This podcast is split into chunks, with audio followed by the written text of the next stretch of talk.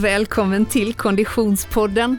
Vi är framme vid avsnitt 11 denna säsong nummer 8. Och jag som pratar heter Frida Zetterström. Hej Oskar Olsson! Hej Frida! Hur är läget? Jag känner mig lite påskgul nu efter påsken. Det är bra. Ja. Och det är fortfarande fullt löparfokus, eller hur? Ja, men jag cyklar och åker en hel del rullskidor också. Ja, bra där, bra där. Eh, Jag försöker ju hålla mig till eh, eh, min löpning enligt din och Moas ordinering, men Bra. också lite styrka. Mycket bra. Ja. Glöm inte styrkan. Jag vet att det är svårt att prioritera. Jag säger till er alla där ute, den är så viktig. Jag förstår och möter, i er, möter er i att det kan upplevas tråkigt, men snälla, Mm. ta inte bort den. Ni gör en otjänst. Mm, ja men det, det är verkligen värt att upprepa. Eh, och jag eh, brottas också med mitt schema för att få in lite rörlighetsträning för att inte tappa det där. Foam roller. Ja, för, och den, den Framför har jag, TVn. Just det, den har jag, ja, jag sitter inte så mycket framför, Framför TVn. TVn. Men, men, Eller eh, brasan. Ja, ja, det kan Med. Henrik.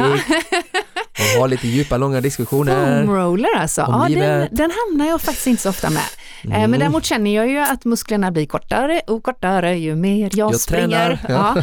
Så att, eh, eh, det är en spännande insikt faktiskt. Det kallas för kroppens fysiologi. Mm, exakt så. Mhm. Du, eh, eh, att springa kommer vara fokus även i dagens avsnitt, för vi ska ju nu förflytta oss tillbaka i tiden några veckor till när du och jag var i Stockholm. Simning, löpning, löpning. Mm. Ja, precis. Eh, för när vi var i Stockholm för några veckor sedan, då träffade vi ju Sara Sjöström som ni redan har lyssnat på. Har ni inte gjort det så eh, när ni har hört klart där, klicka er tillbaka till avsnitt nummer åtta då vi träffar eh, eh, Sara Sjö... Nej, nio menar jag. Nummer nio är det Sara Sjöström. Men eh, vi träffade ju också en tjej som vid det här laget eh, börjar bli en, en stammis i Konditionspodden. Ja, mycket energi på den tjejen alltså. Mycket energi och och vi började ju faktiskt vårt samtal i skidåkningsvärlden för det var ju där vi lämnade av sist vi pratade med Clara Henry. Och nu har vi både fått finbesök i studion och fått hälsa på en fin studio, Oskar. Jag sitter mest och är så impad över den här micken, jag sitter och sluta ta av den, går vrida och flytta hur som helst och jag brukar ju ha lite svårigheter med det ibland, eh, mest för jag är oteknisk, hemma i Göteborg. Men den här var ju jävligt avancerad alltså, så Ja. att jag kommer försöka svårt fokusera på intervjun, sitta och pilla med den här. Vi säger tack så mycket till eh, eh, Pärleros och Company och Framgångspodden vars eh, studio vi ännu en gång har fått eh, eh, hyra in oss i, eller fått låna till och med. Superhärligt att vara här. Men vi är ju här för att säga hej Clara Henry. Hejsan! Eh, Hur är läget? Jo men bra tack, bara bra. Hur mår ni? Ja, alltså eh, bra. Och vi är så peppade att äntligen få mötas öga till Ja. öga. jag. Du har ju varit Gud med vad vi har oss. försökt få till det här. Ja, ja men verkligen. Flera gånger. Och vi har ju fått till eh, små inspel i Konditionspodden i, i olika kontexter. Oftast med festvalla under fötterna eh, och snö i ögonen, eller så här, när det har handlat om Mm. Snö i längdskidåkning. de flesta kroppsuppningar. Ja, När det gäller min skidåkning fall. Ja. Ni, var det inte så att ni till och med delade liksom, oskulden på Vasaloppet i ett väldigt snöigt år 2020? Var det Så ditt var första? Ja, ja, är du Va? galen? Ja. Men jag är väl inte galen, du är skitsnabb. Jag tänkte, där har hon gjort liksom halva livet. Nej, det, var, det var ju roligt sagt. Okej, vilken käftsmäll. Tack så Ja, mycket. Nej, du, jag var verkligen inte skitsnabb. Jag klarade ju det, eh, men det, var ju, det tog ju mig eh, aplång tid. Ja. Jag fick ju faktiskt eh, eh, lite samma utmaning av Mattias Svan som, som Ah. du hade fått Det där. var då. ju jag och Niklas eh, tillsammans med Svan som prankade Frida mitt under ett eh, Konditionspodden-avsnitt. Ja, Att vi höll på att du, på Ja, det har här vi känner jag igen. en, en, eh, och så ringde vi upp Mattias Ja. och så... En eh, startplats där i december. Precis, Mm. så det var bara att börja träna. Så det det var några träningspass av mig och jag följde ju eh, nitiskt i appen. Jag befann ju mig faktiskt på Catalina Mm. när jag är utanför Kalifornien och tävlade själv eh, men eh, följde som sagt på distans. Mm. Och det var ju 2020 och det året tycker jag bara vi lämnar till handlingarna. Det har jag redan glömt. Ja, jag jag vet inte vad som hände Ja, då. Det var massa viktiga lärdomar. Utan vi fokuserar på 2022. Ja. Hur gick det i Vasaloppet? Men vet du, det gick faktiskt bra. Alltså jag, jag tyckte det gick så bra. Ah. Allt gick enligt plan, förutom att jag fick väldigt ont i en armbåge, men jag anade att det skulle komma, för det hade jag haft i min träning inför.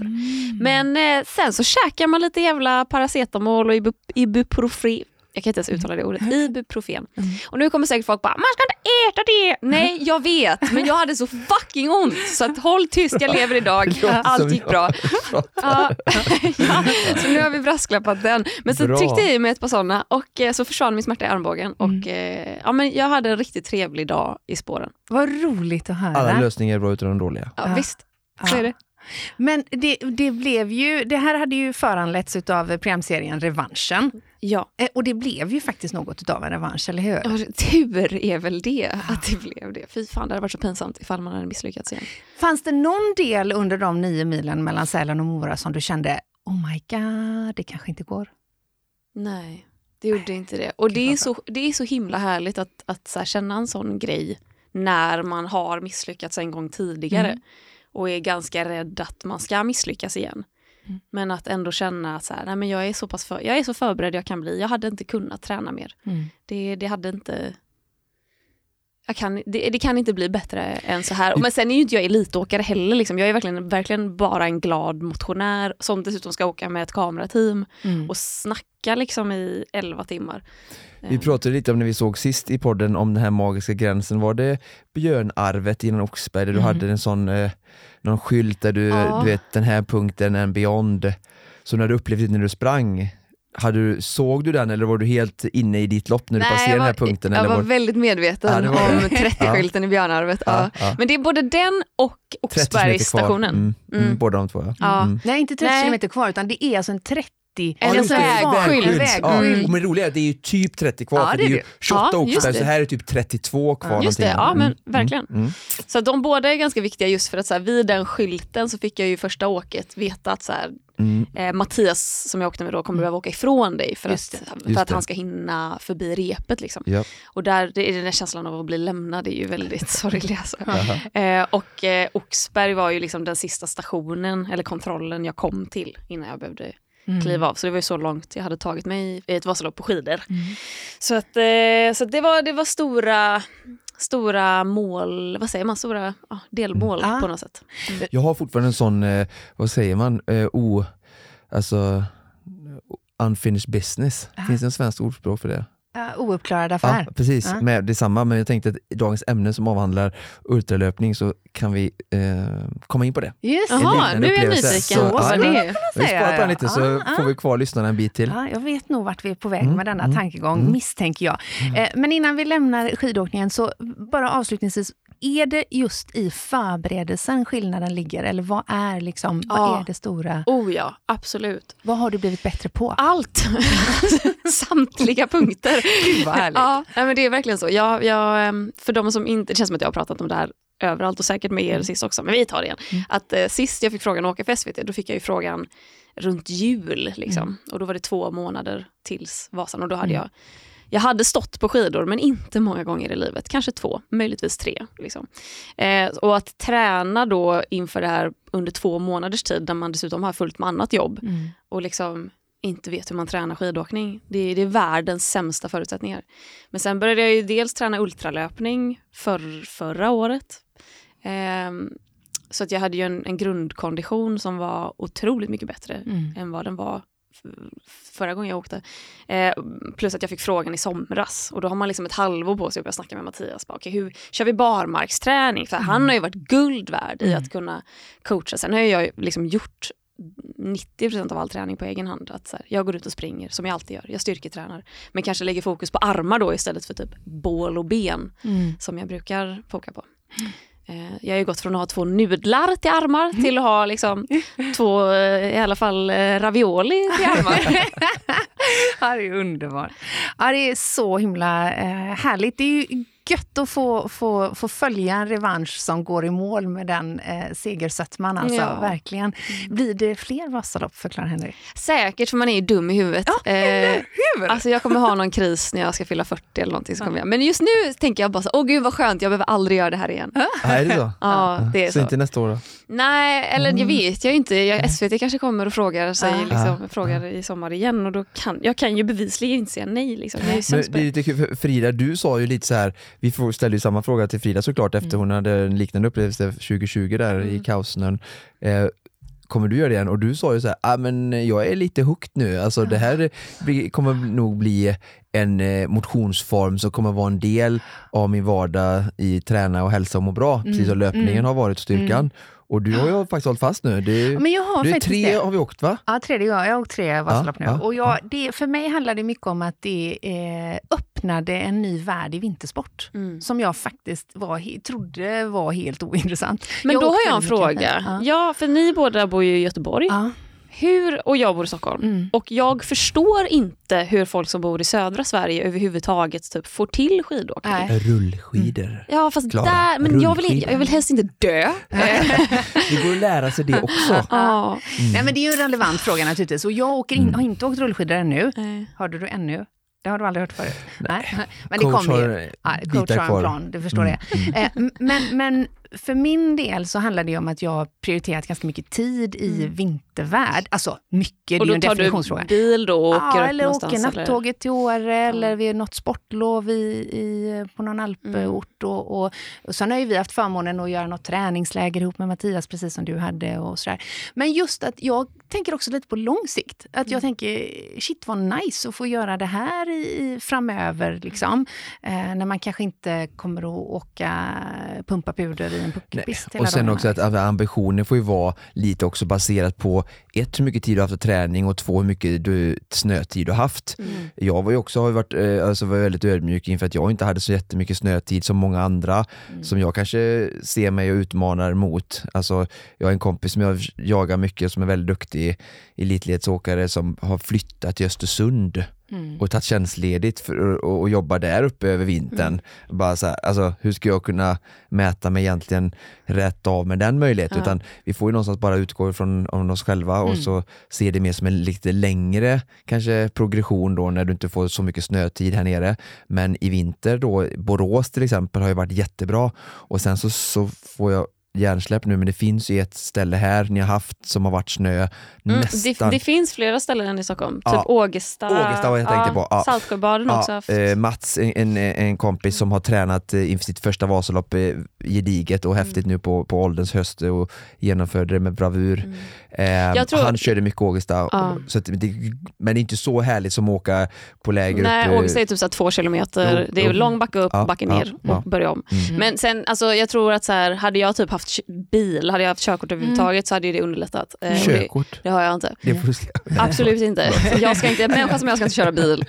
Eh, eh, så att, eh, då, ja, det finns ju tåg. Ja. Men, men om man ska ut till Ågesta, då är det så här, åh, Ja. konka skidorna på pendeln Ja, och sen så promenera Det är 25 Ja. minuter. Det är Det är, liksom, skillnad faktiskt. det är en jättestor skillnad. Mm, det Men då känner jag bara, vilken tur att jag har löpningen. Ja. Och när vi nu då nämner löpningen. Vi har ju förstått, som många andra som hänger med dig på sociala medier och, och i andra forum, att du har blivit helt biten av ultra.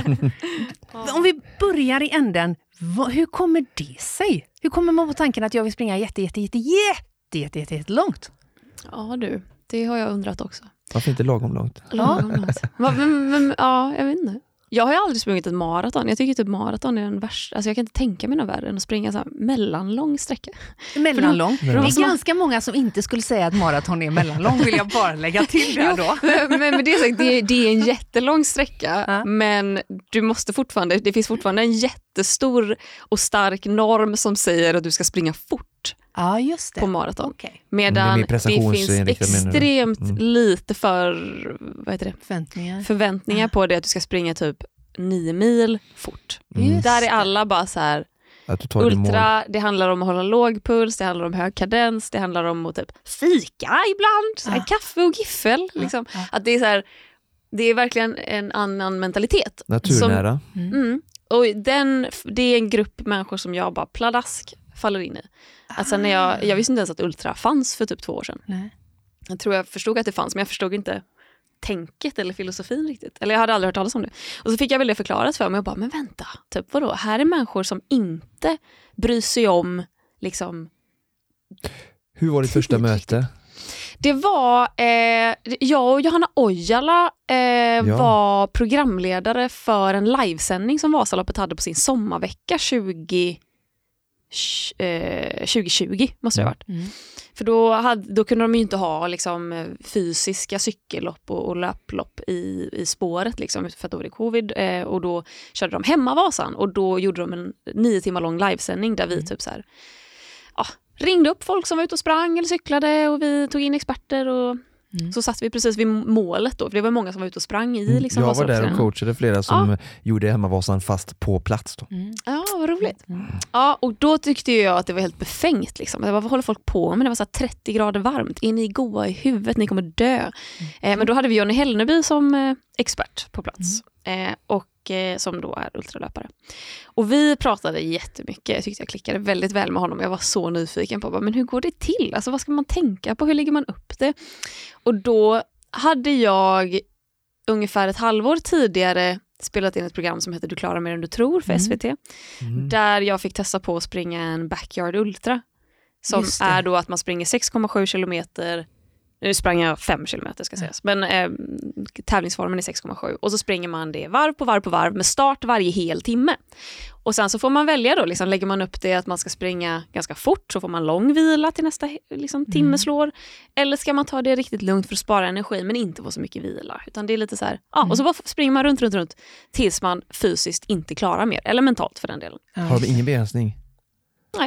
Alltså vissa tror jag har en tidsbegränsning, så här, du får inte springa mer än en vecka. Typ, eller något sånt. Men, eh, men det går ju verkligen ut på att så här, siste, siste man eller kvinna som startar ett varv liksom ensam, den vinner. Typ. Just det. Oj, det var hårt. Och det här, jag, jag minns när du gjorde detta, för du Mm. gjorde det inne i Stockholm, va? hemma på Söder. vi gjorde, typ. ja, på Djurgården var Eller vi. på Djurgården Mm, var det. mm, Ja, jag följde det eh, på Instagram, men jag kommer inte ihåg hur det gick. Vad, vad satte du för ambitioner för dig på det? Min ambition, alltså när jag gick dit på morgonen, då tänkte jag bara, nej men det här, alltså så här, springer jag i typ så sex timmar, sju timmar, Ja. då är jag nöjd. Men produktionen hetsade ju mig bara så här, du, Just du klarar tolv. Visst är det härligt med den sortens produktioner? Ja, nej.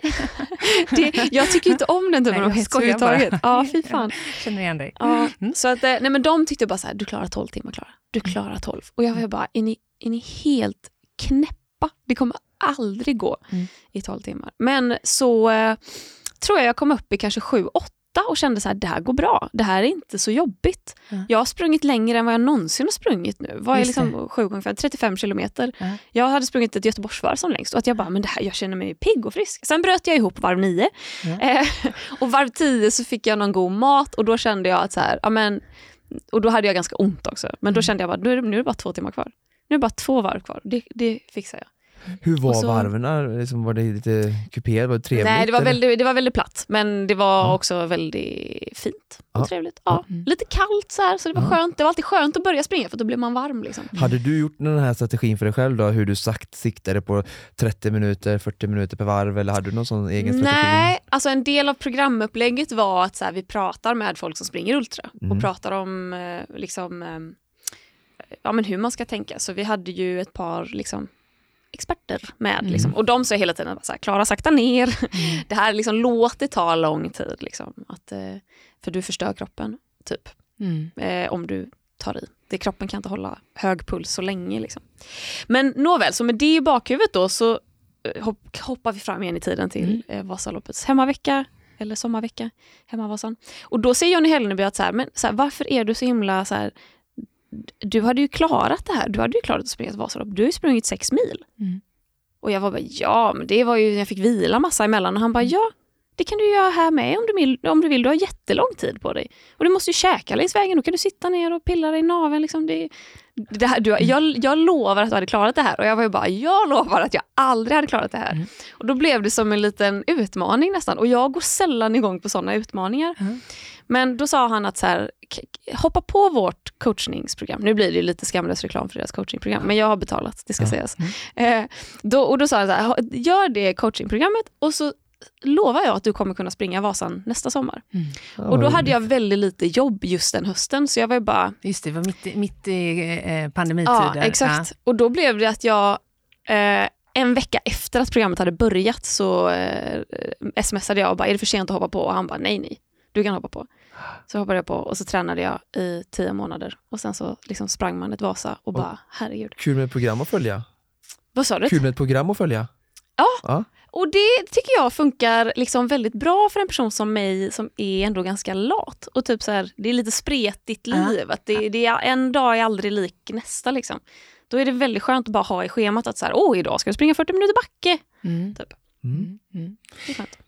Men okej, så, så då eh, hoppade du på det och liksom kände... eh, Men när du då var i det där träningsprogrammet, idag ska du springa 40 minuter backe och, Ja. och, och liknande. Kunde du ändå liksom visualisera att det skulle bli ultradistanser? För jag tänker att det, i mitt huvud blir det lite, så här, ett litet hopp däremellan.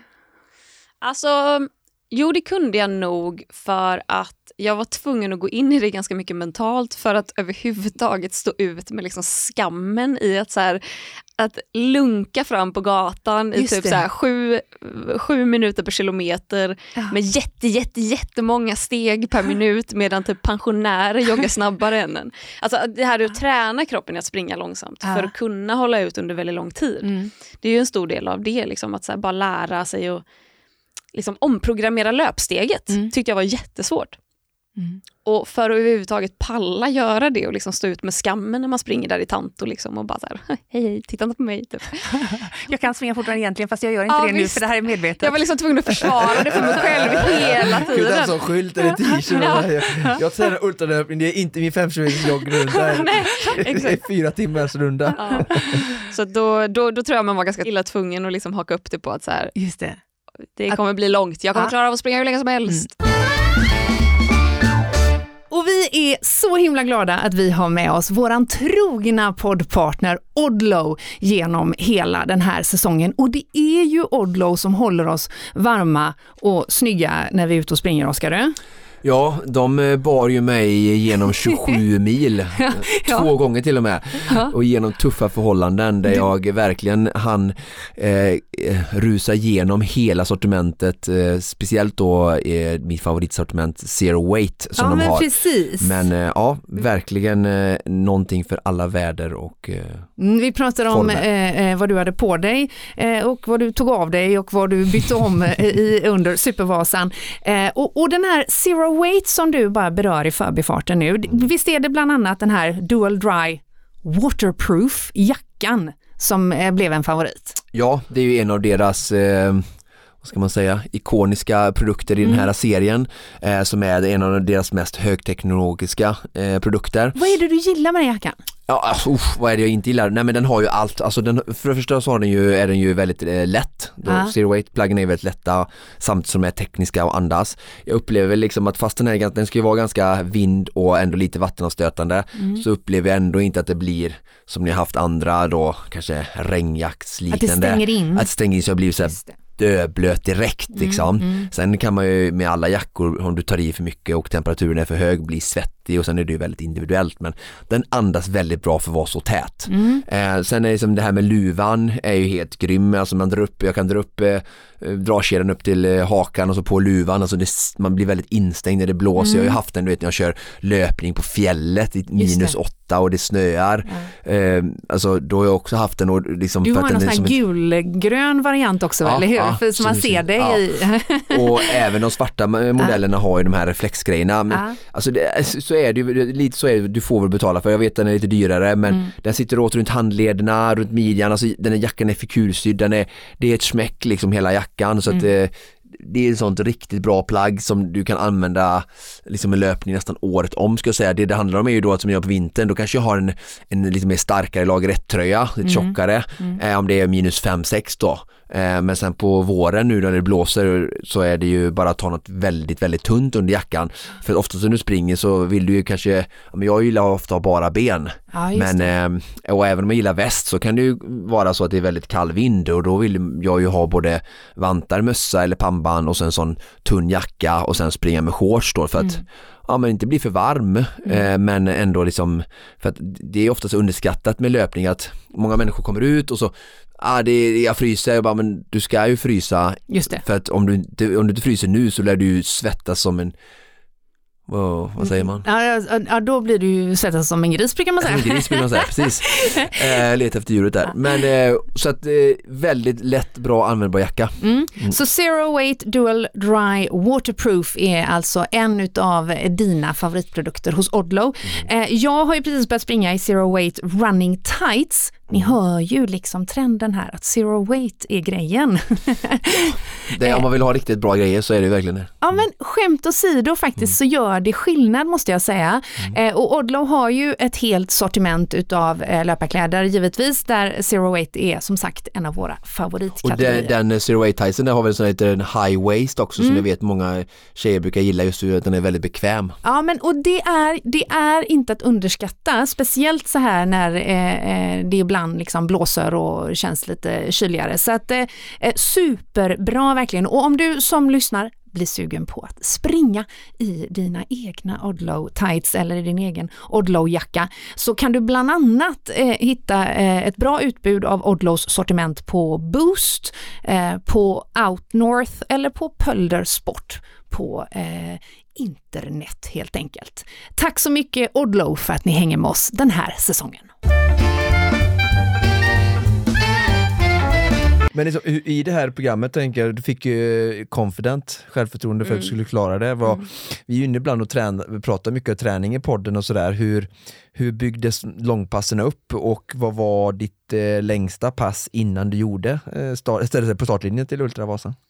Mm, jag var ganska jag var ganska rädd faktiskt och nojig inför Ultravasan just för att det inte var så många långa, lång, alltså så här, dunderlånga pass i schemat. Utan det var mer att så här, kanske en helg i månaden så kanske det var så här, två timmar på lördagen och två timmar på söndagen. Liksom. Mm. Och att eh, jag tänkte så här, men hur ska jag kunna springa i liksom 14 timmar om jag bara springer liksom Två. två och en halv timme kanske som Mm. längsta långpass. Typ. Mm. Mm. Ehm, men det handlade väl mycket om att så här, det kanske är två pass om dagen, att man börjar Mm. med en 40 minuter på morgonen och sen så kör man en och en halv timme på kvällen. Och, Mm. och på något sätt, alltså de upprepar ju väldigt mycket att så här, lita på processen. Mm. Typ, det funkar, det här funkar. Just det. Räknar liksom. du någon gång vad du hade din största mängd på en vecka? Vad du kom upp i, alltså sett till minuter eller kilometer på en vecka? Mm, jag fick ju sådana mail från Runkeeper, liksom, att den här Mm. är din senaste löparvecka. Och Ja. då blir man ju så dum i huvudet och börjar jämföra sig själv Ja. med sig själv. Ja. Och då vill man ju alltid slå sig själv, men, men det jag insåg att det inte var så bra, för att jag blir bara jag får bara destruktiva tankar av... Ja, Du får ju inte avgå eller se, från programmet. Nej, nej, Nej, visst. nej. Men att då tycker man att man var dålig om man inte sprang lika långt som förra veckan. Mm. När Ja, det, det det, egentligen handlar det. väldigt sällan om sträcka utan desto mer om Ja, tid. ja. Hur länge var du ja, ute? Sprang du kort sträcka Ja. på väldigt lång tid, då var det ju Mm. faktiskt ganska bra pass. För Ja. då tränade du verkligen på. Röra dig liksom, Mm. lugnt och sansat och skonsamt. Eh, jag, jag var på väg någonstans, jag har glömt vad... Längden på veckan eller om du kom Ja, upp i tid? en, eller- in, jag har glömt vad, min, Ja. vad, vad jag kom upp i. Jo, långpass frågade Mm. du. Nej, hur länge, Hur långt- mil hur- du kom upp i Ah, veckan? som Jo, jo, det vet jag inte. Nej, vet vet jag. inte. Men frå, du frågade innan dess Ja. om eh, vad var mitt längsta Ja. långpass innan. Just Du sa två och en halv timme. Ja, nej, jag sprang... Någon gång sprang jag typ tre mil i jättekuperad skog. Okej. Mm. Eh, men det var för att jag sprang vilse. det skulle inte blivit så långt. men, men sen gjorde jag också, och det var väl på eget initiativ, att jag gjorde en insamling för Barncancerfonden där jag sprang i ett dygn. Och då Mm. sprang jag en backyard fast tre och en halv kilometer då per varv. Mm. För att jag ville ha med kändisar. Ja Jag men det är att här- den jag refererar till. För Ja. den gjorde du väl i stadsmiljö också? Va? Eller, Ja, eller det, var, vet det- du, det var faktiskt samma sträcka, fast Ah, jag ja, kortade varvet just det. från runt Djurgården. Mm. Den kunde man ju hänga med på, på Instagram Mm, mycket. Exakt. Mm. Och då blev det typ 84 kilometer tror jag. Just Oj. Mm. Och 84. väldigt mycket Sprang du? pengar. Ja, på ett precis. dygn eller på 12 Ja, timmar? på, på 24 timmar. 21 Så jag sprang 3,5 kilometer varje timme. Mm. Ah. Men var vaken i 24. Hur var det? Och Eh, vaken över natten? Och... ja, det var jag. Det var, och så, Kaffe? men det tar ju väldigt kort tid att springa 3,5 kilometer. Ja. Eh, och så hade jag gäster med mig varje varv så att jag höll mig vaken liksom, och blev Ja. pigg och så. Men, eh, och så. men så kanske man hade typ en halvtimme när man skulle liksom vänta in nästa varv så lägger man sig och så försöker man blunda lite och så är man jättetrött i kroppen men så jäkla pigg i skallen. Mm. Så att eh, jag dippade någon gång på morgonen där vid 7-8 på morgonen. Då var det som att, då hade jag sprungit i 12 timmar. Du startade Då- om sju på kvällen då? Ja, jag startade 8 på Ja. kvällen, Mm. har jag för mig. Ehm, Och eh, så efter 12 timmar när man varit vaken hela natten och typ hela dagen innan dess. Mm, just det. Eh, då var man ju bara så här, gud ska jag göra detta i 12 timmar till? Fy Mhm. fan. Men då kom Janice, ni vet artisten Mm. Janice, och kom med en jävla superhögtalare och Just bara, nu kör vi Klara! och jag var bara, typ. tänkte först, hur ska jag möta hennes energi? Och sen så visade sig att jag behövde inte göra det. Hon bara höll igång hela varvet. Jag blev så glad av det. Och där samlade du ju också in pengar Mm. till eh, Barncancerfonden. Exakt. Ja, Mm. ja. Så det var mitt längsta pass skulle jag säga. Men då efter det kände jag mig ganska confident att här, Ja. fan, kan jag springa kan jag springa 84 kilometer och inte ens ha träningsvärk dagen efter? Även om det är mycket vila emellan. Mm. Då kan jag fan klara ett Vasalopp. Jag tänker mycket vad, vad vi än gör för att liksom, få en utmaning, vare sig det är träning eller i övriga livet, så att bygga på med lite självförtroende och göra saker längs med vägen så att du stärker dig själv i att uh, I, mean, I got this. Liksom. Mm. Mm. Och sen så blev det då dags för Ultravasan. Mm. Mm. Bergaby. Ja, hur... hur eh, Utan snö. Ja. Men det var typ, alltså det var nästan nollgradigt. Det Oj, var okej, så oj. jäkla kallt. När var detta då? Augusti. Okej. Det var svinkallt. Mm. hur laddade du upp liksom, den sista tiden inför där? Liksom? Och hur, eh, Jag tänkte mycket på hur mycket jag hade tränat. Ja. Jag har aldrig tränat så mycket och så liksom intensivt Mm. och så dedikerat i hela mitt liv. Ehm, och bara typ att så här, jag har det här i ryggen, det, Ja. går, det kommer gå. Liksom. Jag har ju verkligen följt det här schemat ganska nitiskt. Liksom. Mm. Ehm, och sen så var det typ månaden innan, då hade de lagt upp schemat som att här, det var liksom den tuffaste månaden. Då var det så här, nästan dubbla pass varje dag och det Mm. var det var väldigt hård träning. Och sen så var det som att så här, sista typ två, tre veckorna, då var det som att det trappade ner lite. Just Då var det som att det skulle man ta det lite lugnare. Kanske jag säger fel i antal veckor, så don't come at me. Men nej, nej, nej. Jättebra. Ja. Och att det var som att de veckorna var så sköna, för då kände man, det var som liksom inför att få sommarlov på något sätt. Att så här, man har dagen D när det händer Mm. Och så har man gjort de här stora liksom, uppgifterna och inlämningarna och proven. Exakt. Nationella proven, liksom, man har kämpat som ett djur. Liksom. Och sen så bara, åh nu ska vi kolla på film resten av veckorna inför sommarlovet. Lite den känslan var det faktiskt. Ja. Så att, eh, då var det som att jag njöt så mycket av att bara springa så korta, lugna pass. Ja. Liksom hålla igång och stretcha mycket och, och lite styrkepass och så. Jag har upplevt det så många gånger så jag vet Ja. precis vad du menar. Mm. Ja, och det är säkert många av Konditionspoddens lyssnare som känner Mm. igen sig i det. Och det är, är ju eh, kanske den eh, psykologiska positiva effekten Mm. av just den sista tiden inför ett eh, stort evenemang, även om det finns fysiologiska eh, förklaringar till varför man gör den uppladdningen också. Mm. Men sen stod du där på startlinjen Ja, och så var det dags. Ja. var det dags. Berätta om, om loppet och din upplevelse av det. Oj, ja men alltså det, ja, men vi sprang ju i dryga 14 timmar, vilket är väldigt lång tid att springa. Eh, men vi hade lagt upp det lite som att så här, det var jag och Ellen Westfeldt som också är ultralöpare. Eh, hon springer ju i berg och grejer. Hon var ju lite så här bara, ja jag kan springa Vasaloppet med dig men det kanske kommer bli lite tråkigt. Ja, det. För det är så himla kort och inte så kuperat. Och jag var bara, ja verkligen. Jag Bara, det Jag var platt. bara, jag har åkt på skidor och det är fan alltså det är brutala backar i det där. Jag tycker det är böckbackigt. Ja. Men det är backigt, det Ja. är verkligen det. Även om det Men- inte är långa backar så är det Mm. mycket korta ja, backar. verkligen. Sen är det ju inte Mont Blanc liksom, som hon har sprungit. Man bara okej, ja ja Ellen, då får du hålla mig i handen då. Men så vi la upp det som att så här, för att verkligen, allt, allt, mitt enda mål, jag hade inget tidsmål eller någonting, jag var bara jag ska ta mig i mål. Jag ska ta mig från början till slut och jag ska göra det eh, löpande. Liksom. Men det är klart att man går också. Så vi sa att så här, vi sparar energi i uppförsbackarna genom att gå i de långa uppförsbackarna Mm. och så spurtar vi i nedförsbackarna. Liksom bara släpper och så kubbar vi. Liksom. För då Mm. Släpper vi loss liksom benen också. För det Mm. känns som att man lätt blir lite så stel av att bara ta Mm. de här små, små, små stegen hela tiden. Så det var vår strategi och vi höll den väldigt väl fram till typ sista milen. För sista milen är så jävla platt. Mm. Och då var man så trött och då var det som att man bara kan inte komma en uppförsbacke snart så vi får gå. Mm. Mm. Eh, och så började jag få ont i min fot och då blev det att då, då promenerade vi mycket sista milen. Men annars så, det var liksom, det var skönt att haka upp det på en liten Mm. strategi för då kan man ju se fram emot nästa backe och man ser att så här, ja men och så har man lite koll på banan också som man har åkt skidor, att man känner Mm. igen sig på vissa ställen. Att man bara, oh men efter den här kröken tror jag det kommer en backe och så gjorde det det och man bara, ja vad skönt, då, kan vi, då får vi gå här. Ja. Och sen så får man liksom springa ner och det var skönt. Och, ja. Jag tycker, jag kollar, du har ju en trevlig sån, eh, händelse eller samlat på din Instagram Mm. där. Jag tyckte jag gick väldigt fort till Mångsbodarna.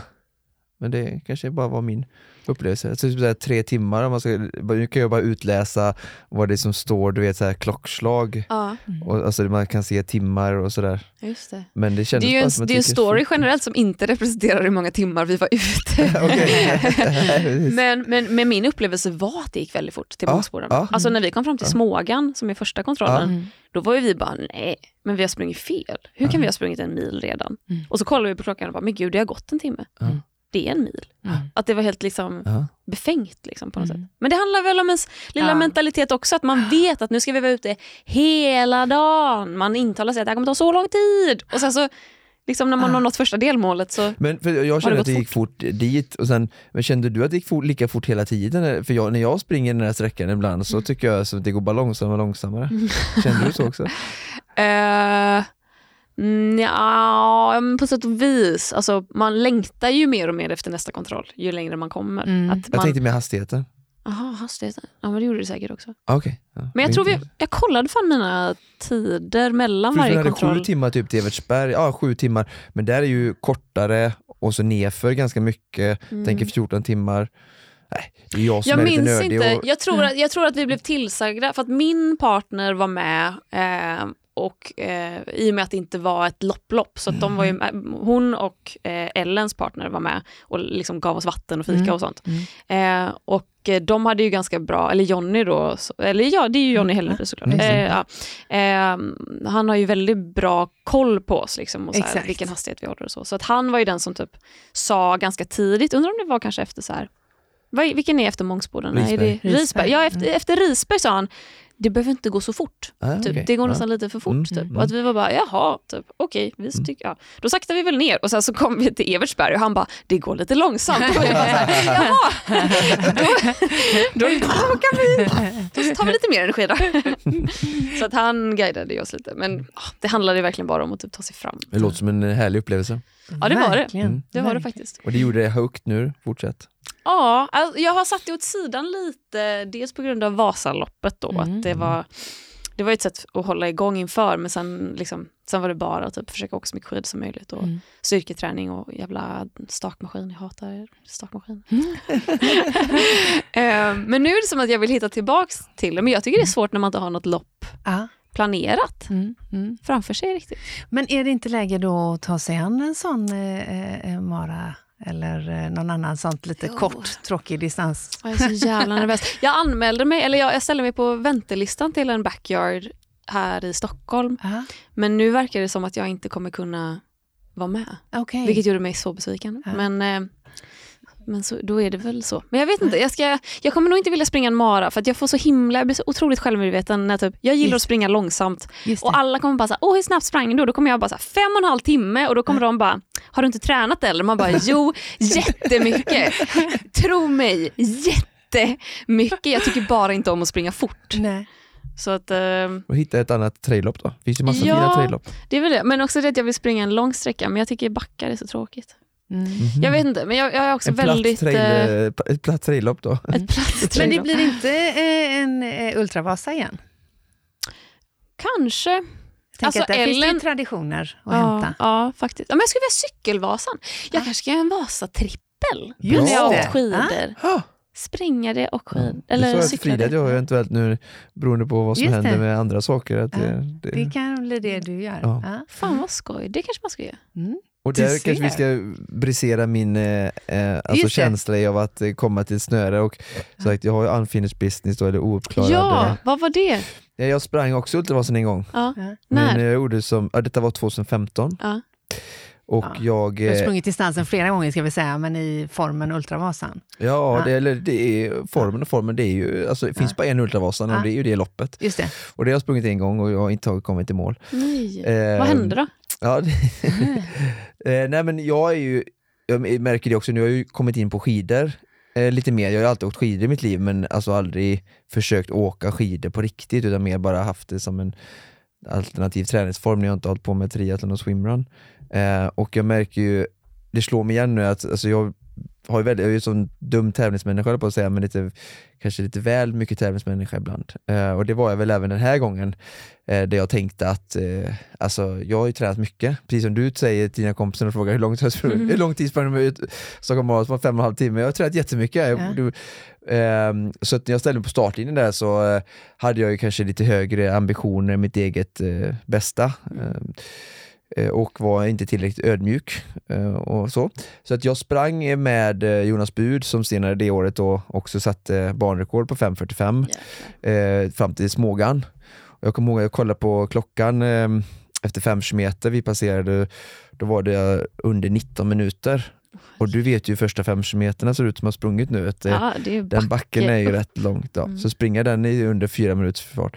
Men det är som jag brukar säga och jag har sagt det mycket med mina kompisar i swimrun och speciellt nu även i skidsporten, alltså, alltså första kilometrarna eller första milen på ett lopp kan ju vem som helst vara tuff. Alltså jag har mm. haft, kört många lopp där jag har kommit väldigt långt fram där människor har varit väldigt liksom, eh, snabba i början. Jag tänker så här, vad håller du på med? Det här kommer alla hålla. Och sen har de flugit av. Mm. Eh, så att alla kan ju vara tuffa i början. Men det handlar ju om att ja. vara tuff i slutet. Mm. Men, Var fick du kliva av någonstans då? Ja, jag kommer till det. Okay. Nej, men så, jag, jag sprang med där i täten i första milen och eh, eh, jag tror jag, det var jag och Jonas som var enda svenskarna. Eh, och sen, eh, vi var tio stycken som jag följde med. Jonas och de tappade efter Smågan och sen efter Mångsbodarna så var jag själv eh, och sen gick det väl bara utför. Eh, och sen då så kom jag till Evertsberg och där tänkte jag att nu bryter jag, men så går det nerför där. så då staplade jag mig nerför där och sen började bli omsprungen, så kom jag till Oxberg och då så, så stod benen... Ja, det är något med Oxberg. Så stod benen rakt ut och jag kom dit och var, alltså jag var inte så nedslagen, mm. utan jag är lite mer som jag är nu, full i skratt. Mm. Alltså såhär bara, Oskar, vad, vad, gjorde du? Det? Vad gjorde du? Alltså, vad tänkte du själv att det här skulle gå på riktigt? Eller alltså, hur tänkte du? Mm. Eh, så jag, jag låg där, jag kommer ihåg min mor och uh, min styvfar var med mig och supportade mig och uh, jag låg där på gräsmattan bara såhär, jag är färdig, eh, vi kan åka hem nu. Eh, jag vet att vi åkte upp till Mora, eh, Sälen, eh, jag skulle ta mig i mål men jag tänker inte gå härifrån i mål, så benen var slut och oh. jag har ju tävlat och tränat så mycket i mitt liv att jag någonstans vet. Eh, Man vet alltså, hur det känns. Ja, och vad mm. kroppen klarar. Det, och det handlar det inte om att, alltså att för mig handlar det ju inte om att ta mig i mål, mm. utan jag vill ju springa under 6,5 timmar det här året och för jag hade såklart då tävlat mot andra som jag hade slagit som hade gjort det. Eh, men jag hade aldrig, så då tänker jag ju så att men om jag slår dem nu så kan jag åka och göra det loppet på samma eller bättre tid som de har gjort det loppet. Mm. Men jag hade ju inte alls tränat inför det för jag var ju mitt i en triathlonssäsong och ah, det här är bara sju år sedan, jag förstår inte hur jag kunde vara naiv då. Jag var ju 30 år då.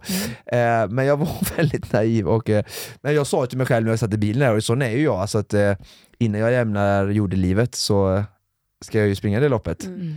Eh, vi får se om det blir i år eller något annat år. Eh, men... Det hör ju till saken att två gånger Supervasan har tagit dig eh, springandes samma distans. Mm. I min värld så springer jag inte under Supervasan utan jag mer ålar mig fram halvt överlevande. Vad är, förlåt, vad är Supervasan? Det... det är kanske det, det hon ska göra. Hon gillar ultra. Oh, det, är mycket bull, det är mycket bullar. Du får till och med byta kläder under Supervasan. Men det får, får man väl göra under Ultravasan också, eller det gjorde jag. Jo, jo ja, ja. Men jag menar bara Supervasan att... är ett koncept som, som Konditionspodden eh, med Oskar i spetsen har initierat, där eh, eh, samma atlet först åker rullskidor från Sälen till Mora, sen cyklar tillbaka från Mora till Sälen och sen, och sen springer. springer. Från det är alltså, Hur, det är alltså, alltså på grus? Fast på en gång. På gru, alltså rullskidor på äh, grus? bilvägen. Bilvägen, bilvägen. Mm. bilvägen. Så den blir ju eh, 18, mm, eller vad blir den? 27 mil. 27 mil menar jag, ja, tre gånger nio. Fy fan.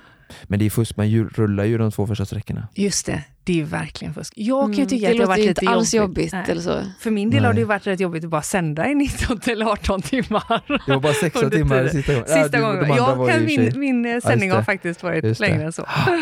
ja. ja, det kanske vi kan få anledning att återkomma till då. Du vill ja. börja träna nu. Ja. Jag hjälper dig. Det är ju en anledning att ställa sig på ett par rullskidor i alla fall. Ja, ja Så ja. god som någon.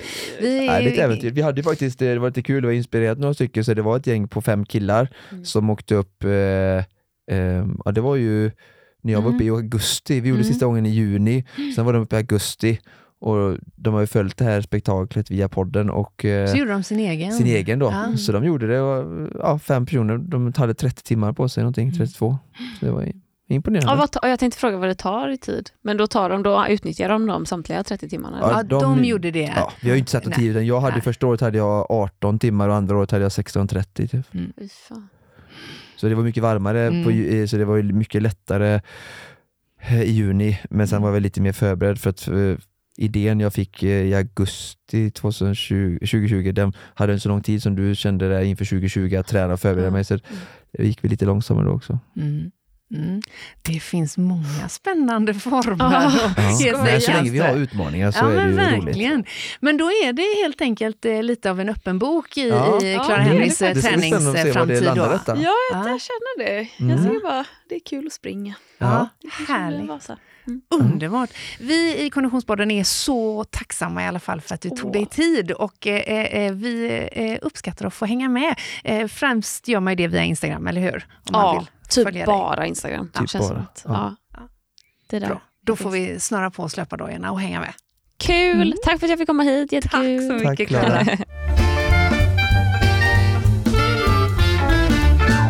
Ja, alltså där är det nästan så att du har mött din överkvinna i energi, Oskar. Ja, alltså verkligen. Och det är det som är fantastiskt med det här mötet. Alltså att, att träffa människor som är så energifyllda får ju mig bara att vilja bli ännu bättre. Ja. Så att ju, ja, jag bara möter med sådana här bra människor gör oss bättre. Så att om ni kan, försök att fylla er med mer sådana här för att ja, gud vad härligt. Jag Mm. kom ur det rummet med så mycket ny energi och bara mm. Mm, men också väldigt roligt att höra Klara berätta. Eh, det är roligt att höra henne berätta om allting för att hon är så härlig när hon pratar. Men också roligt att höra hennes syn på löpning och på ultralöpning och hennes liksom eh, ingångsvärde i att lära sig springa långsamt och, och liksom bemästra det. Och sen är det så här, allting är så naket och ärligt. Jag, jag älskar det. Alltså det, det är inte det här normfyllda, eh, tillrättalagda, alltså jag lyssnar på poddar eller lyssnar på människor. Folk är så jädra måna på hur de uppfattas Hon är inte så utåt pretto. verkligen alltså långt ifrån Jante och allting Ja. man bara kan komma. Och det går ju väldigt hand i hand med Oskar Olsson.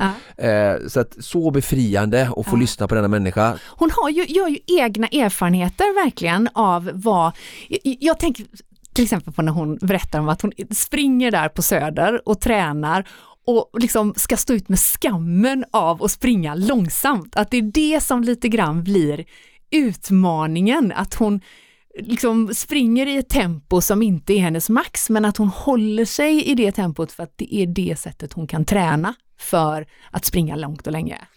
Ja och sen också så här, hon är väldigt ärlig mot sig själv. Bara så här, jag, vill inte springa maraton för att det blir, det blir den här pressen då med tid och sådär och det är klart att hon kanske på sikt skulle må bra av att göra det också för att kunna alltså våga eh, alltså det här för det känns lite som att hon tänker då att om jag gör en dålig tid så blir det ett misslyckande och då blir det alla frågor som hon sa från alla andra människor. Så att, visst att det finns en, en utmaning och en, kanske en vinst för henne att göra det på sikt för att bara ta hand om sina demoner men samtidigt är det också väldigt bra med självinsikt det här att vad gillar jag? Jag gillar inte att springa det här eller du behöver inte springa detta, detta. Du måste inte göra eh, Ironman eller Mm. Vasaloppet om det är det du vill utan hitta det som funkar för dig och Mm. kan vara en del av din ehm, eh, vardag så att ja, eh, du mår så bra som möjligt och, Ja. och det gör hon ju verkligen, hon följer sin väg och lite Gunde över när det är liksom ingenting är omöjligt liksom där.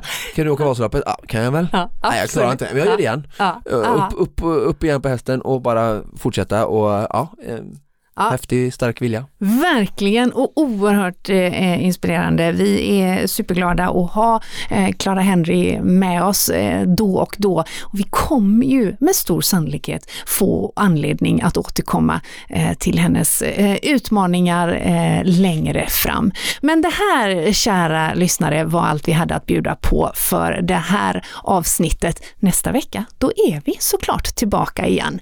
Precis som vanligt så produceras Konditionspodden av Fredag. Connect Brands with People.